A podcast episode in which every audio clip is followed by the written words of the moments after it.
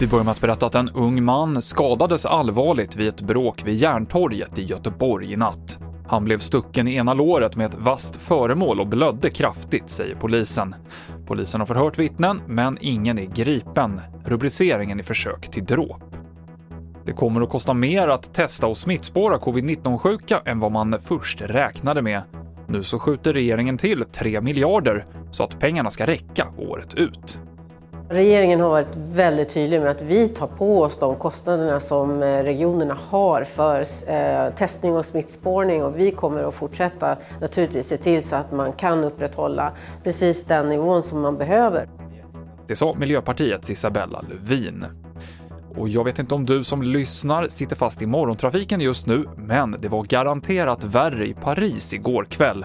Vid midnatt så infördes det stränga coronarestriktioner i Frankrike och det var många som ville lämna huvudstaden innan de började gälla.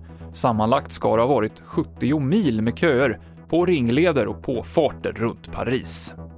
Det här var TV4-nyheterna med Mikael Klintevall i studion.